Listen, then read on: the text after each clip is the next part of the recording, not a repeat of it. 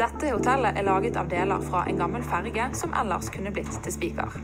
I framtiden planlegger selskapet også å gjenbruke annet maritimt metall, som f.eks. gamle oljeplattformer. Og Målet vårt er selvfølgelig å kunne lage en industri som, som gjør at, at vi kan skape byggematerialer uten klimagasspåvirkning.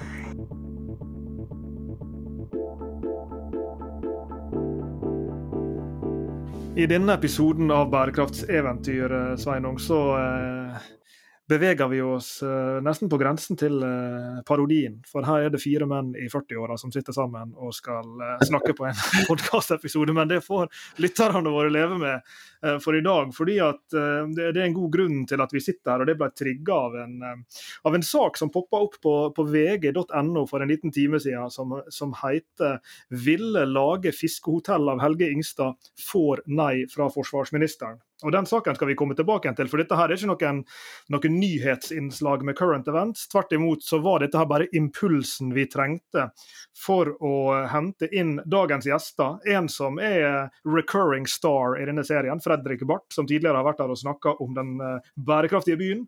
Og Jon Jacobsen fra Wilder, som sitter sammen med Fredrik på Kaigaten eh, vin og kaffe i, i Kaigaten i Bergen. Du Sveinung, du sitter på Lillehammer, og, og det er jo en grunn til at eh, vi fire sitter sammen i dag. Det er det absolutt. Og Nordic Circles er jo ett av de prosjektene som binder oss sammen, og det er jo derfor vi er her sammen i dag. Nordic Circles, uh, full disclosure som det heter på utenlandsk, der har jeg og Lars Jakob en, en eierandel, så vi har jo en liten sånn kommersiell hatt på oss når vi går inn i dette her, bare så det er sagt uh, høyt og tydelig. Men, uh, men Fredrik og Jon har jo også eierandeler bak der. Og, og, det er jo Fredrik eh, primært jeg pleier å hekte denne historien på. Eh, som gikk der og, og kikka utover skipene og boreriggene der ute og tenkte dette må vi da kunne bruke på en, en bedre måte enn vi gjør i dag. Velkommen skal dere være begge to. Tusen takk. Tusen takk. Kanskje du har lyst til å begynne Fredrik, med å, å, dra oss tilbake igjen til utgangspunktet her. Hva er egentlig Nordic Circles for noe, og hvor kom denne ideen fra? Altså, Nordic Circles eh, ble vel vårt svar på, på hvordan vi kan lage eh, bærekraftige byggematerialer til byggebransjen. Byggebransjen står for 40% av verdens utslipp, og, vi trenger innovasjon koblet til mange aspekter og deler av, av byggebransjen. Så i Norge de siste årene, de siste 10-15, så har det vært stor innovasjon på energibruk og på, på, energiproduksjon og på selve byggeriet. Men det har vært lite på materialbruk. Og vi ser nå at nå, nå har ikke vi mer å hente på energidesign. Så vi er nødt til å begynne å innovere rundt i andre deler av byggebransjen. Så eh, i Will, som er mitt selskap eh, til daglig, så har vi liksom lett etter vår take på dette med gjenbruk og oppsirkulering. Og vi har lett rundt i bransjen etter hvor vi kan finne store råmaterialbanker for å kunne lage nye eh, byggematerialer. Og i Danmark og, og, og, land som vi kan ha som forbilder, så har de teil og de har en del sånn andre typer materialer. Men det har vi ikke her eh, på Vestlandet. Her har vi de gamle trehusene, og så har vi hele det store maritime tall aspektet, altså hele offshore, skip, oljeplattformer. Som ble drømmen da i forhold til å kunne ta dette her, og så bruke det til å lage nye ting til byggebransjen. Så det, det, er det store grunnlaget for Nordic Circles, som ble et uh, selskap uh, støttet av Sparebanken Vest, Agenda Vestlandet, og så ga de oss muligheten til å gå inn og prøve å få dette til. Og Jeg må bare følge opp, eh, Fredrik, for jeg husker når du hekta på meg og Sveining på dette prosjektet. Da hadde jeg med meg den yngste dattera mi på et seminar hvor jeg og du begge holdt foredrag om sirkulærøkonomi. Hun satt og spiste kjeks og var tålmodig mens jeg og du snakka om muligheten for å oppsirkulere eh, eh sånn stål, stålkonstruksjoner av denne typen her. Og omtrent på samme tida så traff du altså denne eh, mannen som sitter ved din side, Jon Jacobsen. Og, du, eh, Jon, har ikke oppsirkulert eh, eh, stålrigger før, men du har gjort mye annet. Men Kanskje du forteller om, om, hvordan dere to kom sammen, og hvordan dere samtidig da fikk disse visjonene om at ja, disse digre maritime stålkonstruksjonene her, enten vi snakker om en rigg eller et skip, de kan få et nytt liv, men da trenger vi, og der kommer jo du inn i bildet, Jon, da trenger vi noen smarte og sirkulære forretningsmodeller. Ja, altså, sanne historien er vel at jeg møtte Fredrik på en fotballcup, tror jeg, uh, med, med, mine barn. Uh, de spiste ikke kjeks, men de var ute og løp. Uh, men vi, vi, fant fort ut at begge hadde et Altså vi likte de litt kan du si, større umulige prosjektene. og For mye energi av det. Jeg har i, i mitt selskap, da, som ligner å telle meg, de heter Vill og vi heter Vilder. Så kanskje ikke det var tilfeldig likevel. Men, men Eh, vi har jo jobba med, med, strategi og forretningsutvikling, og ofte så har jo de blitt ringt når det er litt vanskelige ting som skal gjøres. Altså Når ikke det er fortere, raskere eller billigere som skal gjøres, men når du skal ha rett og slett en turnaround, som de ofte sier på engelsk. Eh, da har vi vært inne, og, og da fortalte Fredrik om sitt prosjekt. Eh, og jeg tenkte jo større og mer umulig prosjekt skal du lete lenge etter. Så jeg ble jo umiddelbart trigga og tenkte dette må vi jo få til oljeplattformer, klart det skal bli byggemateriale. Og så er det jo en, sånn grunnleggende ting der, fordi det, er en bransje som virkelig trenger innovasjon. Men, men, det er også De løsningene som er i dag, har alltid vært at vi skal bare bytte en stålplate for en annen stålplate, bare at den er brukt. Mens det vi har jobba her, er jo rett og slett å skape en merverdi. Altså skape fete produkter som verden ikke har sett før. Og det var da jeg virkelig ble, ble trigga. Vi kan lage ting som ikke finnes fra før. Eh, og det trenger Norge mer av, for vi kan aldri konkurrere med industrilønninger i Tyrkia eller i, Asia. Vi må skape noe nytt og fantastisk. Og det har vi jo forhåpentligvis fått til med vårt første produkt så langt. da. Skal vi ta og og spole fram til, eh, til nåtiden? Eh, fiskehotell. Altså Ut av den der ideen Superdox så har det da utviklet seg noe som kalles et fiskehotell. Og den uka der så har dere to begge vært i, i vinden i, i, i, Bergen med lanseringen av dette fiskehotellet med en pilot på akvariet. Fortell litt om, om det prosjektet. Eh, ideen oppsto vel i, et uh, annet fellesprosjekt som, som Jonny hadde, som handlet om utvikling av, av, hele dokken i Bergen. Altså den store transformasjonen av Bergen havn. Og så var vi gjennom og analyserte hva er det man har jobbet med da, som kommune og arkitekter de siste årene. Og så fant vi ut at det er enda ingen som har jobbet med livet under vann. Altså vi kaller oss Havbyen Bergen, og vi har noen av de flotteste aktørene innen havkunnskap her. Men når man snakker byutvikling, så handler det kun om arkitektur. Og Det, det ble en sånn opplevelse for oss at, at, her må vi faktisk komme med noe annet. Så eh, svaret den gang ble å, å foreslå at, at kaifronter trenger ikke bare være en kaifront. Kaifronter kan også brukes for å tilrettelegge for livet under vann. Og derigjennom liksom gi livet tilbake igjen til en litt død Puddefjord eller Store Långårdsvann, eller for så vidt Oslofjorden, som har vært mye snakket om i det siste, som er tom for liv. Så hvis man kan bruke liksom den menneskelige påvirkningen på, på hav og, og områder til å generere liv istedenfor å fjerne det, så burde det være et, et, et, godt utgangspunkt for å diskutere byutvikling, syns vi. Og så tok vi tak i det i Nordic Circles og har utviklet produktet Superdoc, som er nettopp det. Det er en kaifront som man kan bygge istedenfor en helt vanlig kaifront. Koster like mye som en vanlig kaifront, uh, i hvert fall i samme leia. Men i tillegg til å fungere da, til et sted du kan legge båten inn til, eller eh, som en trapp eller en badeanlegg eller stupebrett eller hva du nå vil, så optimaliseres forholdet for å skape liv under vann. Fiskeyngleplasser, eh, tang, eh, skjell osv. Altså, tanken er for, for livet tilbake til havnene. Jeg, jeg, tror det er mange havner rundt omkring i verden som gjerne skulle hatt litt mer eh, liv under vann. Eh, det ser ganske trist ut en del steder. Så, så og i hvert fall i Bergen, som har tross alt det nasjonale akvariet og Havforskningsinstituttet eh, liggende, liggende, der, så burde man eh, jobbe for det. Eh, og, og, Vi opplever jo det i hvert fall gøy at akvariet gjerne ville ha det hos seg. Eh, at de heier på det. Men, men, jeg tror dette gjelder mange andre steder i verden. At vi gjerne skulle hatt eh, litt mer liv i havnene våre. Eh, og Da er Superdoc én av løsningene på det. Du svarer jo på, på flere kall det bærekraftsproblem. Det her, ikke minst det med liv eh, under vann. Og, og, Hvis vi eh, spoler litt tilbake igjen i tid, så husker jeg godt når vi fire satt i, i, i et rom og diskuterte produkt mulige produktlinjer og de mulige forretningsmodellene rundt disse produktlinjene. Da var det jo det fasadeplate vi begynte å snakke om opprinnelig. Og Det er jo ikke sånn at Nordic Circles ikke skal produsere fasadeplate noen gang, men det viste jo seg istedenfor å bli da denne Superdox, som ble den første produktlinja.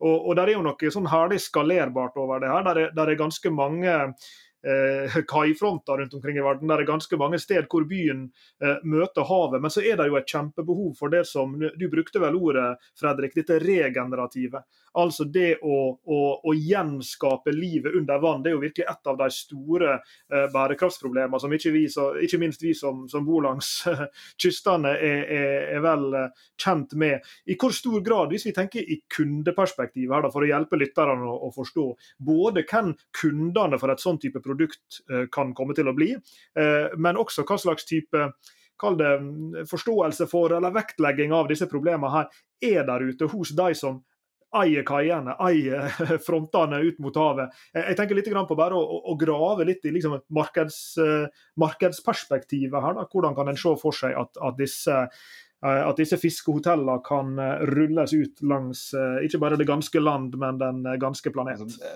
jeg tenker Den, den enkleste modellen å se for seg er jo en, en type eiendomsutvikler som ønsker å bygge boliger, er jo det ofte da, sant? langs eh, Puddefjorden eller Oslofjorden eller noe sånt. Og så kommer krav om at de må tilrettelegge for en promenade og, og kaianlegg foran dette her, som del av prosjektet. Og, og sånne typer prosjekter har vi veldig mange av. Så Du kan se for deg hele fjordbyen Oslo, og for så vidt utvikling i Bergen, og du har tilsvarende i Trondheim, og Kristiansand og, og Stavanger og overalt. Og, og, da er det selvfølgelig at, at det, det, bygges kaifronter med promenader, og du har benker og hoppeting og, og hele denne urbane sjøfronten som, som vi kjenner til. Så, så, det er jo en veldig sånn tydelig privat kunde som, som går an å se for seg. Og vi har hatt, uh, uh, fått kontakt med flere som, som, ønsker seg en sånn retning. I tillegg så har vi fått mye oppmerksomhet fra det offentlige. Og det er ofte de som eier store havneområder. Uh, Bergen havn, LA Harbour, London Harbour. Altså det, det, det er liksom de store halvoffentlige offentlig-private selskapene som eier og drifter havner har vist interesse. Og det er også blitt spilt inn som, som store som forskningssøknader sammen med de eh, i EU og andre steder, som vi venter svar på selvfølgelig eh, nå fremover. Så det, det er spennende, det er eh, tosidigheten der i både det offentlige og det private, og mulighetsrommet som der oppstår. Mm. Hvis du skulle beskrevet, eh, Jon, uh, veien fra Askøyferja til, uh, til denne piloten på, på akvariet. altså veien, Hvordan går man fram, og, og, hva er det som har blitt resultatet? Hvordan ser det ut nå? Vi er jo, vi er jo på et lydmedium, så vi er nødt til å prøve å beskrive det visuelt. han har sagt. Dette er det store spørsmålet mange lurer på. Tvennong. Altså, hvordan klarer du å lage en sirkulær eh, forretningsmodell? Eh, hvordan klarer du å lage produkter som ikke blir bare å flytte et vindu til et nytt sted og sette inn vindu et annet, brukt vindu et annet sted? Um, og Det er ikke tilfeldig at det ble Superdoc, fordi eh, der så vi at vi klarte å konkurrere prismessig med markedet slik det var, eh, med en relativt enkel produksjon. Og Det tror jeg er litt av, av uh, poenget når man begynner. Man må bli konkret med noe. da. Og Det er jo det vi har jobba ganske iherdig med. Vi vurderte jo mange forskjellige ting. Um, og Det begynte jo med at vi da fikk tak i en, en, uh, rett og slett en ferge som skulle, som skulle til dekommisjon ute på Hanøytangen. Og vi spurte at istedenfor det som vanligvis skjer, at de fliser de opp eh, rett og slett i noen spesielle biter, slik at de kan selges på en slags internasjonal børs. Så sa vi dropp det, kan dere ikke heller skjære de ut i noen store plater? Eh, for oss, eh, for vi hadde en slags idé om hvordan vi kunne lage Superdocs med disse platene, med, rett og slett å lage hull i de, slik at de var tilpassa et, et maritimt liv. Så så sa de litt, etter litt om og mell ja vel. Det var en rar bestilling, men det kan vi vel gjøre. Så etter en stund så lå det ti tonn med stålplater på, på, på havna ute på Askøy, eh, som vi klarte å få hjelp til av noen andre, eh, noe som heter Starksen, som er et, rett og slett et hva skal vi kalle det for noe, stålselskap. Eh, som, som, da kunne ta det inn og skjære det for oss, pusse det ned og eh, lagde disse konstruksjonene som rett og slett er noen stålkasser som er fylt med stein. Eh, som har et veldig spesielt mønster. Det, jo, det, er veldig dekorativt, kan man jo si. Man kan jo se for seg et dekorativt eh, stålplate eh, av, av, et da, bil, tidligere bildekk, som, som blir satt opp eh, istedenfor en vanlig brygge. Den står på utsiden av en brygge. Eh, som gjør da at eh, småfisk har et gjemmested. da. Så, og Derfor er det også kalt et fiskehotell. Det, for folk kjenner til inntektshotell som står på land, og så ser du for deg det under, eh, under vann isteden. Så, så, så, det er en enkel konstruksjon eh, å gjøre, som vi kan skalere opp ganske fort. Eh, og Derfor begynte vi med den. Og vi har jo lært kan vi jo si, Fredrik, vi har lært veldig mye eh, om hvordan vi skal håndtere stål. Eh, de kommer i forskjellige tykkelser. På 80-tallet lagde de plattformer som var eh, tykke som husvegger, eh, mens i dag så er de bare noen centimeter. Det å håndtere alle disse tingene her er, er, måtte kartlegges. Det har vært mye arbeid rundt det.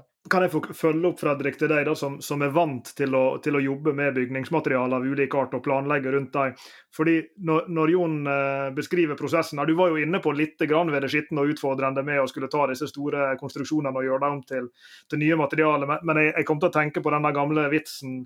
Eh, hvordan tegner du en skilpadde? Steg én, tegn en avlang sirkel som er hodet til skilpadda. Steg to, tegn resten av den jævla skilpadda. Eh, og, og, litt sånn er det jo også den, den reisen som, som, du beskriver her, Jon, fra at det står en oljerigg ute i Nordsjøen, eller, eller det ligger en diger ferge ute på, på ei kai på, eller eller havn på Askøy og så skal det derfra til at designerne som er tilknyttet Nordic Circles og, og, og VIL-kollektivet, skal, skal, omforme dette her til lekre, ferdigdesigna plater som skal settes ned på en kaifront eller, eller, puttes opp på en vegg som en fasadeplate. Kan du forsøke Fredrik, å sette ord på både kompleksiteten og liksom jobben knytta til både liksom designutfordringer i det her, men også det rent praktiske med å transformere disse ressursene til nye produkter? Først og fremst, det er litt sånn det er mulighet her for, for arkitekter og designere og produktdesignere til å, til å, komme liksom 100 år tilbake i tid. Altså, Vår profesjon har blitt eh, databasert. Vi sitter på kontorer som kanskje ser gøyere ut enn andre sine kontorer, men helt alvorlig, vi sitter på laptoper vi òg. Og siste året vi sitter hjemme i sofaen som alle andre og, og har en kontorjobb. Så denne liksom nye trenden som handler om gjenbruk og oppsirkulering, det gir en mulighet til å kunne jobbe med materialet igjen, som jeg setter fantastisk pris på. Man kan gå ut og ta på ting, man, man, kan, man kan løfte på det, og man er nødt til å være med i produksjon på en helt annen måte. Og utfordrende har det vært. altså Idet vi startet Nordic Circles, så sa de fleste at vi kommer aldri til å klare å hente ut en plate fra et skip engang. Det er ikke sånn det fungerer. Det skrapes. Og så har vi prøvd å forandre og jobbe med Dekom-siden, eh, og så fikk vi det til. Og da sa folk at ja, ja, men du klarer ikke å transportere det og lage noe av det. Og så jobbet vi med den delen, og så har vi fått det til. Og sammen med Norse og forskere der, så har vi laget eh, Superdoc og, og, og optimalisert det for livet under vann eh, husker første møte, så tok en av disse biologene et papirark, og så krøllet han det sammen. Og så hev han det ut på bordet, og så sa han det er sånn det skal se ut. Fisker liker rare ting. De liker ikke Altså, de bryr seg ikke veldig om, om, om design eller estetikk. eh, og da forandret vi det liksom fra en sånn japansk tilnærming som handler om å designe eh, designboliger for fiskere under vann, til å egentlig være denne kassen som Jan snakker om, som, som, holder en, egentlig steiner og natur på plass. Og så er det en perforert stålplate som kan se fin ut, men som slipper fisken gjennom, men ikke de store rovfiskene. Mm. Og så har vi plutselig dermed klart å lage noe som både ser ut som et kunstverk, og som har en sånn jeg vet, jeg vet ikke, egentlig en helt sånn elementær stålarbeider, industrigreie. Mm. Det, det, ble til i maskiner, det ble til med håndkraft, og vi måtte banke på det med en hammer for å få det på plass. Og det, det er en, en, ganske deilig Det er faktisk uh, veldig deilig å banke løs med en hammer når du bare sitter på PC hele dagen. Og jeg må bare si, jeg husker når uh, var det BP som sendte oss noen tegninger av en plattform. Da holdt jeg på å gi opp på. Uh, for de var jo da håndtegna, noe som blueprints. Jeg har aldri sett så mange kilometer med tegning noen gang i mitt liv. Og prøv å skanne det da, på en skanner. Det var umulig. Uh, men vi trengte det for å begynne å kartlegge hvordan dette skulle tas. Og det fikk meg til å tenke på egentlig hvordan prosessen har vært. Og det, det er litt som hvordan spiser man en elefant. Og det er en bit om gangen. Av den jævla elefanten. Uh, og, det har, og, og, det, og, det har, vært egentlig metoden vi har gått, gått, løs, gått løs på. Her er det som bit etter bit så har vi løst det. og Alle har sagt det går jo ikke an. Og så har man liksom klart med å jobbe kreativt med det, så har man klart å finne en annen løsning.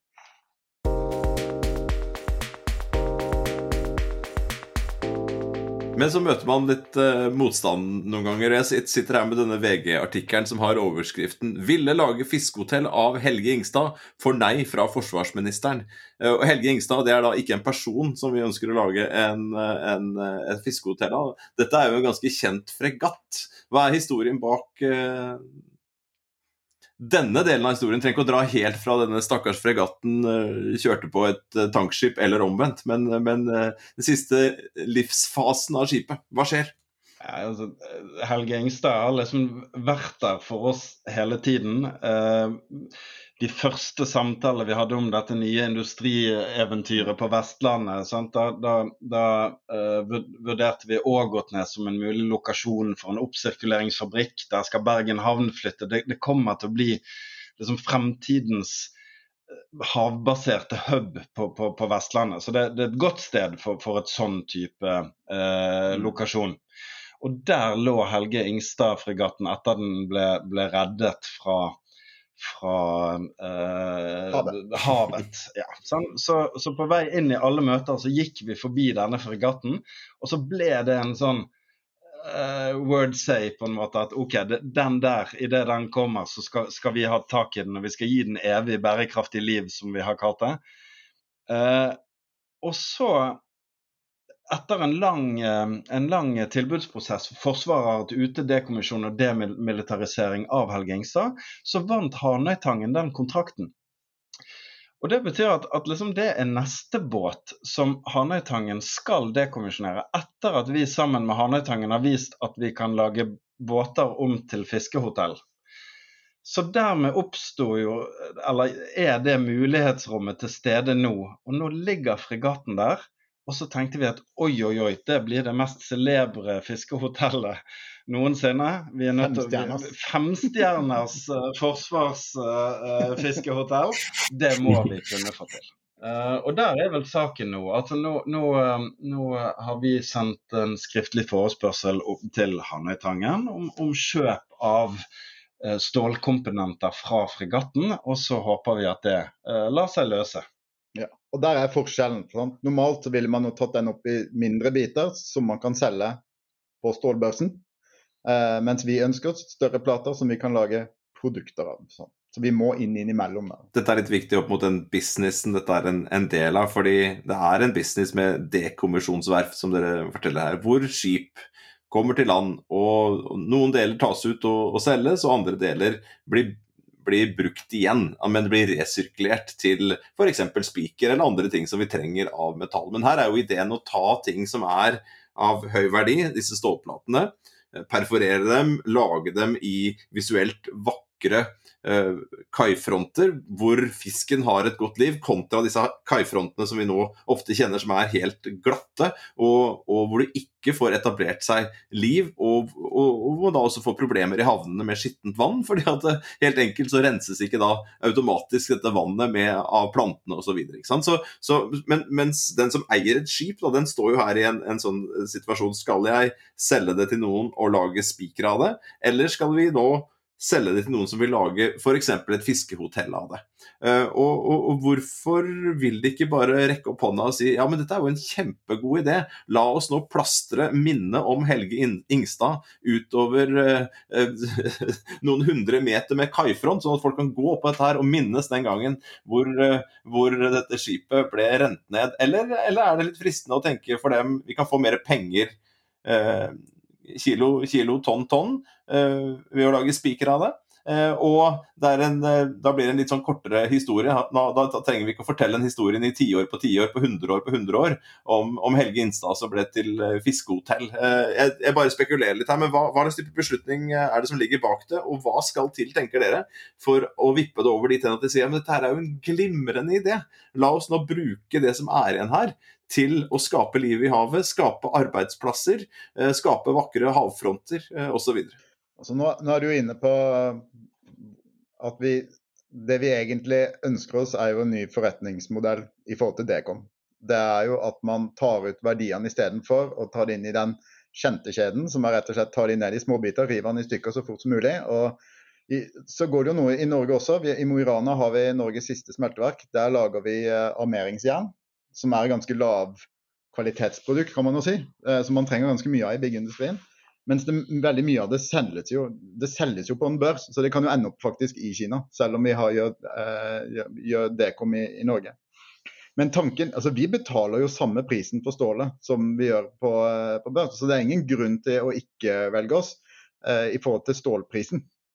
Det som er utfordrende, det er som det er med alle nye forretningsmodeller, at du skal gjøre ting på en annen måte enn det du gjorde i går.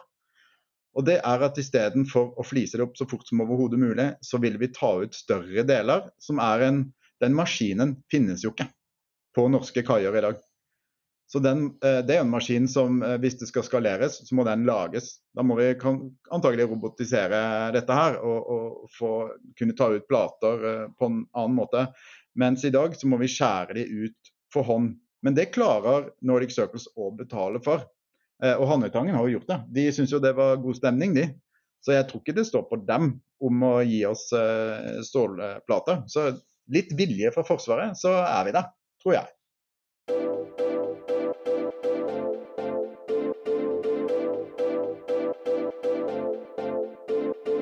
Her er jo eh, det som vi snakker om nå, og det, det, er jo som dere begge to brukt ordet skalerbart flere ganger.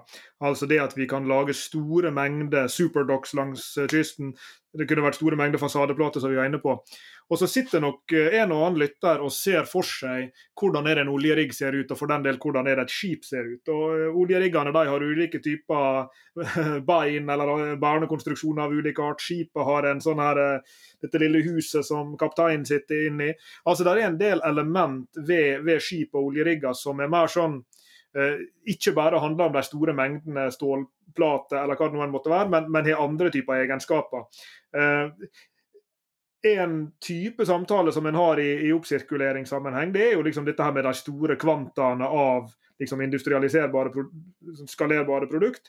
Og på den andre sida disse mer sånn skreddersydde og spesialtilpassa løsningene på bakgrunn av mer sånn kall det signalelement ved, ved, båten eller riggen, eller hva det måtte være.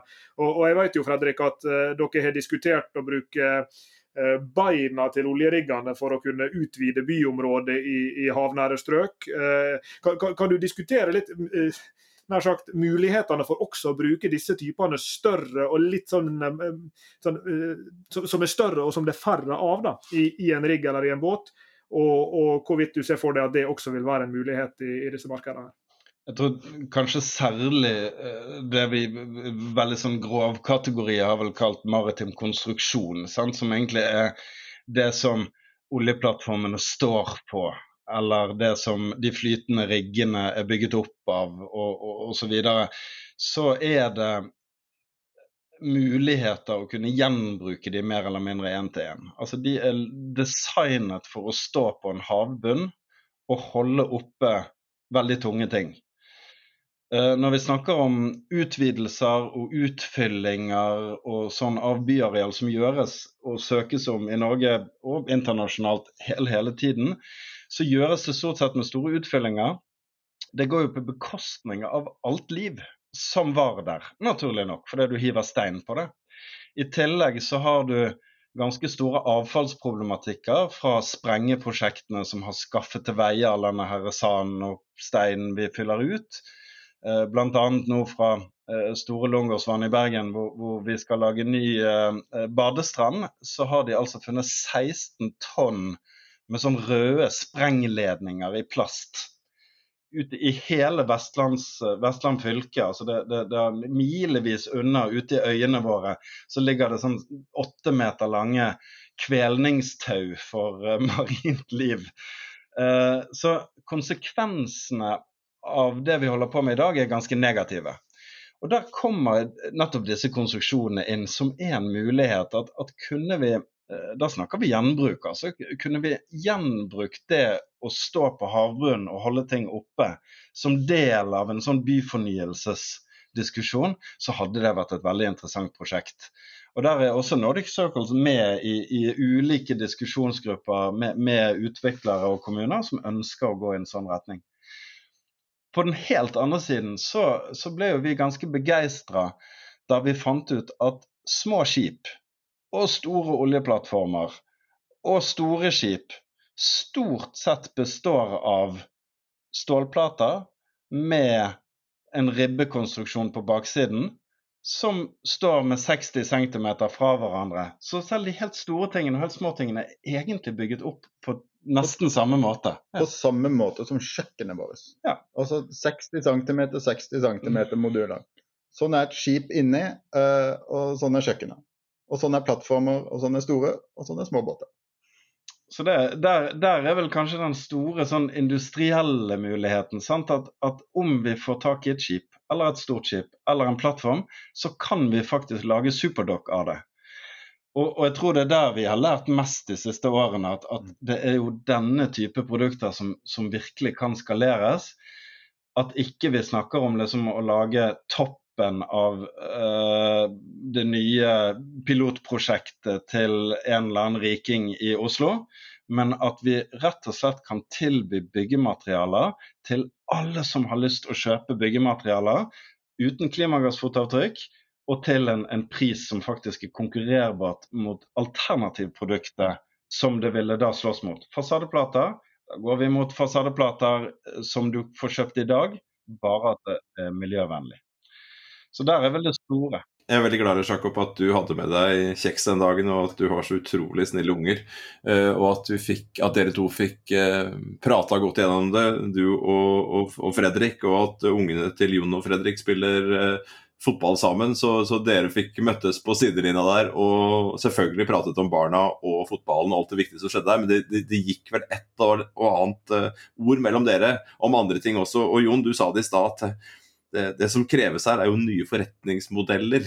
Eh, mitt og Lars Jakobs virke over flere år har jo vært møte med folk som dere, eller møte med folk i andre typer bransjer som har så lyst til å prøve å gjøre noe på en annen måte. Og det jeg er på vei mot nå, er liksom hva trengs å være sant? Man, man forstår en nå-situasjon. Man skjønner at bygg i dag blir bygd primært av eh, jomfruelige materialer. Det er lite gjenbruk. Eh, greit, det er en del som er resirkulert, men gjenbrukes i sin rene form. Enten det er vinduer eller teglstein eller, eller, stålkomponenter eller hva det måtte være. Det er lite av det. Hva, hva er det rundt akkurat denne problemstillingen, av denne forretningsmodellene, disse forretningsmodellene, hva er det som må, må være sant? Hva er det som er liksom reflektert litt i Helge Ingstad-motstanden? da? Det er litt sånn gamle måter å gjøre det på, um, og, og, litt andre måter å tenke på. Um, reguleringer rundt her. Vi vet at det har vært mye kontakt med politikere som er nysgjerrig på ja, hvordan kan Nordic Circle, denne måten å tenke på, hvordan kan det være med å endre reguleringer? Um, dette er et åpent spørsmål. og, jeg, og det er jo knytta til liksom, hva må være sant for å få til dette i praksis? Jeg tror Grunnen til at politikere er ve veldig interessert, sant, er at vi, vi, vet jo at vi kommer mot slutten av tiden hvor Norge utelukkende kan leve på å pumpe olje opp av havet. Samtidig så har vi eh, noen av verdens høyest utdannede eh, industriarbeidstakere Eh, hele eh, subsea-miljøet og oljeeventyret vi har vært i. Altså det, det, det, sysselsetter store deler av vestlandskysten, og vi er nødt til å finne andre, andre uh, arbeidsformer for disse bedriftene. Og Her ser man en mulighet. Ved, ved, en ting er at vi kan lage produkter som ser fine ut og som jobber med livet under vann. Men den virkelige liksom, grunnsteinen i dette her er jo at det er verftet på Hanøytangen som kan gjøre dekommisjonen. Og det er Størksen stålarbeider som gjør stålarbeidene. Og det er, skal liksom ut i havet ved, ved hjelp av lokale entreprenører og subsea-arbeidere som kan få det til. Så det går fra en sånn global økonomi, i hvert fall i mitt, eh, mitt hode, hvor, hvor, hvor skrapstålet, norsk skrapstål, hvis fliser opp eh, bakgrunnen for vår uh, rikdom, sender det til Kina og får det tilbake igjen på en eller annen båt og skal bruke elementene til å skru opp nye hus, så plutselig har vi skapt noe som er lokalt.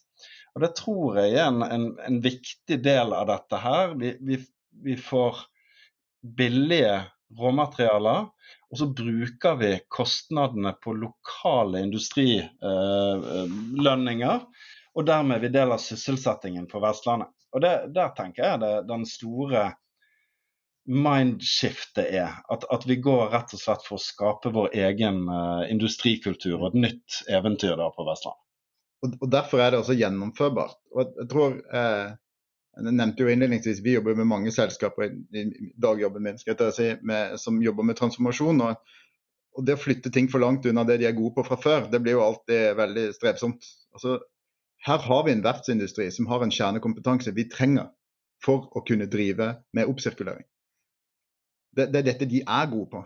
Eh, de skal bare lage nye produkter av det. Eh, og det er de som har bygd de båtene. Så kan de også ta de fra hverandre igjen. Eh, så, så det, er liksom, det, det, er egentlig ganske naturlig. Men man må ta ett steg om gangen her, tror jeg. Eh, og det er kanskje der, om det er lovgivning eller hva, hva, det, hva det, skal være. Altså, bærekraft kommer. Så, så, vi er bare nødt til å gjøre det. Og Apropos eh, dette store skiftet som det både i, i, måten å drive business på og i mindset, som du er inne på, eh, Fredrik, og som du bygger videre på her, Jon. Min, eh, en av de sterkeste sånn, filmopplevelsene jeg hadde som liten gutt, det var den første delen av filmen Blues Brothers, hvor de reiser rundt for å sette sammen bandet. At de må ha de rette folka for å få band. We're putting the band back together. Her setter vi jo ikke et band back together, vi jo, men vi er jo i hvert fall blitt together, da. Og, og vi fire som, som, sitter her sammen nå, er jo en del av det. Og så er det jo mange andre parter som, som har vært inne her. Og, og jeg, jeg har lyst til å betone det nettopp fordi for jeg, tror at den utfordringa som ligger i dette, er å forstå det regulatoriske, forstå hvordan er det disse riggene er, bygd, hvordan kan de tas fra hverandre, hvordan kan de, vi designe nye ting av dem, så er det jo et team i Nordic Circles da, som inkluderer alt fra fra advokater med, med kompetanse på, på maritimjus og byggjus i Hammervoll Pinn. Vi, vi, har Rune Gåsø som, som, har vært med på å, å designe disse typene eh, installasjoner før. Vi har, vi har dere i Vilder som er på forretningsmodellering og strategi, Jon. Og, og, og du og din, eh, ditt kollektiv eh, Fredrik, av arkitekter og designere og fritenkere i, i, i Vill. Og det har i tillegg vært folk inne her fra, fra CCB-basen på Ågotnes som dere var på, som var inne på, som, som kjenner Eh, disse næringene. Og så ikke minst, Sveinung, som, som, du nevnte innledningsvis, Agenda Vestlandet, som har vært med på å, å, finansiere prosjektet fordi de ser behovet for en grønn og sirkulær omstilling her på Vestlandet, som er deres sitt, uh, kjerneområde. Og, og, og, Dette viser jo noe av kompleksiteten i utfordringa. Og, og, i, i, skiftet. Og så fikk, eh, fikk, jo dette prosjektet da en fjær i, i hatten her forleden dag når eh, selveste Fast Company kom med sin eh, liste av såkalte World Changing Ideas, eh, som, som, Fast Company gjør hvert år. Og, der kom jo Nordic Circles med i, i honorable mentions, nettopp for ambisjonsnivået i, i eh, i ideen og, og, evnen til å omsette dette her i praksis. Så, så et sånn uh, spørsmål i, i, landinga her da, kan jo være ja, hvor går veien videre? Hva er det som skal til nå? Hvordan skal en løfte dette prosjektet her til det neste nivået? Hvilke andre partnere trenger en? Hvilke andre produktlinjer skal en inn i? Vi, vi kan ikke dra hele historien her, men løfte blikket litt og, og kikke framover. Hva er det dere ser når dere kikker utover horisonten, Jon og Fredrik? Jeg tror Altså Idet en reder nå skal, skal avhende et skip, f.eks., så har i dag valget om å sende det til Norge. Da må de betale en del penger for at et verft skal ta det imot. Eller så kan de selge det til Tyrkia. Da får de penger. Og, og, det er åpenbart at da ender mange skip opp i Tyrkia, eller enda bedre eh, bortover i Asia et sted, hvor, hvor til og med kjøp blir delfinansiert av kommunistpartiet i Kina. Så det er en annen type økonomi i, i, i Asia og i Tyrkia enn det er i Norge. I Norge har vi kun ser på dette som en utgiftskilde. Og så ender det, som Jan sa, faktisk med at, at, at lavkostlandene kjøper det vi har fliset opp. Fordi at de vet de kan tjene penger på det. Mens vi bare hakker det i biter og sender det av gårde. Og I samtaler med, med Hanøytangen dekomverft, så er det liksom OK, men hvis vi hadde en f.eks. dekommisjonsrobot som kunne ta ut disse her greiene her effektivt, vi bruker liksom denne proptech-kunnskapen som vi har i Norge, kobler det sammen med kunnskapen som industriarbeidsplassene har i Norge. Og vi får en, en ny mulighet til å skape nye produkter, sånn at vi ikke selger skrapstål, men, men vi selger noe annet. Og Da fikk eh, Dekomverftet Handetangen stjerner i øynene og sa at ja, men da kan vi konkurrere med tyrkerne på kjøp av skip. Da kan vi få de store skipene inn til Norge. Da kan vi drive i en helt annen bransje. Og Det tenker jeg er veien å gå fremover. At, at vi er nødt til å snu det mindsettet i, i dekomverftene fra at de er skraphandlere, til at de er en, en viktig aktør i, i oppsirkulering og gjenbruksbransjen. Dette er jo kjernen. Altså, vi må ha tilgang til råvarene hvis, det, hvis vi skal lage noe av det. Da må de nesten komme inn. Og, og, Det er et ganske enkelt regnestykke de faktisk må jobbe med. og det er at Sender du et av de store skipene til Tyrkia, så betaler de mellom 6 og 8 millioner dollar for det. For det er det de får for det. Hvis du tar det samme skipet inn til Norge, så må de betale opptil 2 millioner norske kroner for at de skal ta det inn. Så det er et gigantisk gap imellom der. Men ved å automatisere det, som Fredrik snakker om her med, med robotene, som vi vet faktisk, som vi har skjønt at dette er gjennomførbart, så klarer vi å konkurrere og lage en helt ny industri i Norge. Ta vare på vårt eget stål. Kjære Jon og Fredrik. Tusen takk for at dere har lyst til å være med oss på bærekraftseventyr. Ikke bare i dag, men eh, generelt. Eh, tusen takk for at dere har dratt opp eh, veikartet framover og sett sammen med oss på de utfordringene som er nå, og, og, sett på hva er det som skal til for å få dette til. Dette her er jo ikke land ennå. Dette er jo en pilot. Dette er jo ting som skal skaleres opp. Og det er jo en samtale vi skal fortsette å ha oss imellom og med andre. Og hvis det sitter der ute, kjære lyttere og andre som har lyst til å være med på denne samtalen, så er jo en ting å gå inn på nordiccircles.com og kikke litt uh, på hva som, uh, som, skjer der. Og så er dere også hjertelig velkommen til å hilse på dette bandet, da, dette bandet som er blitt dratt sammen her, som sitter på Kaigaten eh, kaffe- og vinbar og har en evig samtale om, eh, om, bærekraft og bærekraftig business, sirkulær business, og hvordan vi kan eh, skape en, en bedre verden sammen, men også en morsommere verden og et sted hvor det er enda bedre å leve enn enn i dag. Tusen takk skal dere ha for, for samtalen, og lykke til videre. Tusen takk. Tusen takk. Du har hørt på Bærekraftseventyr med Jørgensen og Pedersen. Send e-post til eventyr.krøllalfa.jorgensenpedersen.no for å stille spørsmål eller komme med forslag til tema for fremtidige episoder. Og besøk jorgensenpedersen.no for mer informasjon om denne podkastserien. Derfra kan du også fortsette samtalen med oss i sosiale medier på Twitter, Facebook, LinkedIn, YouTube og andre steder.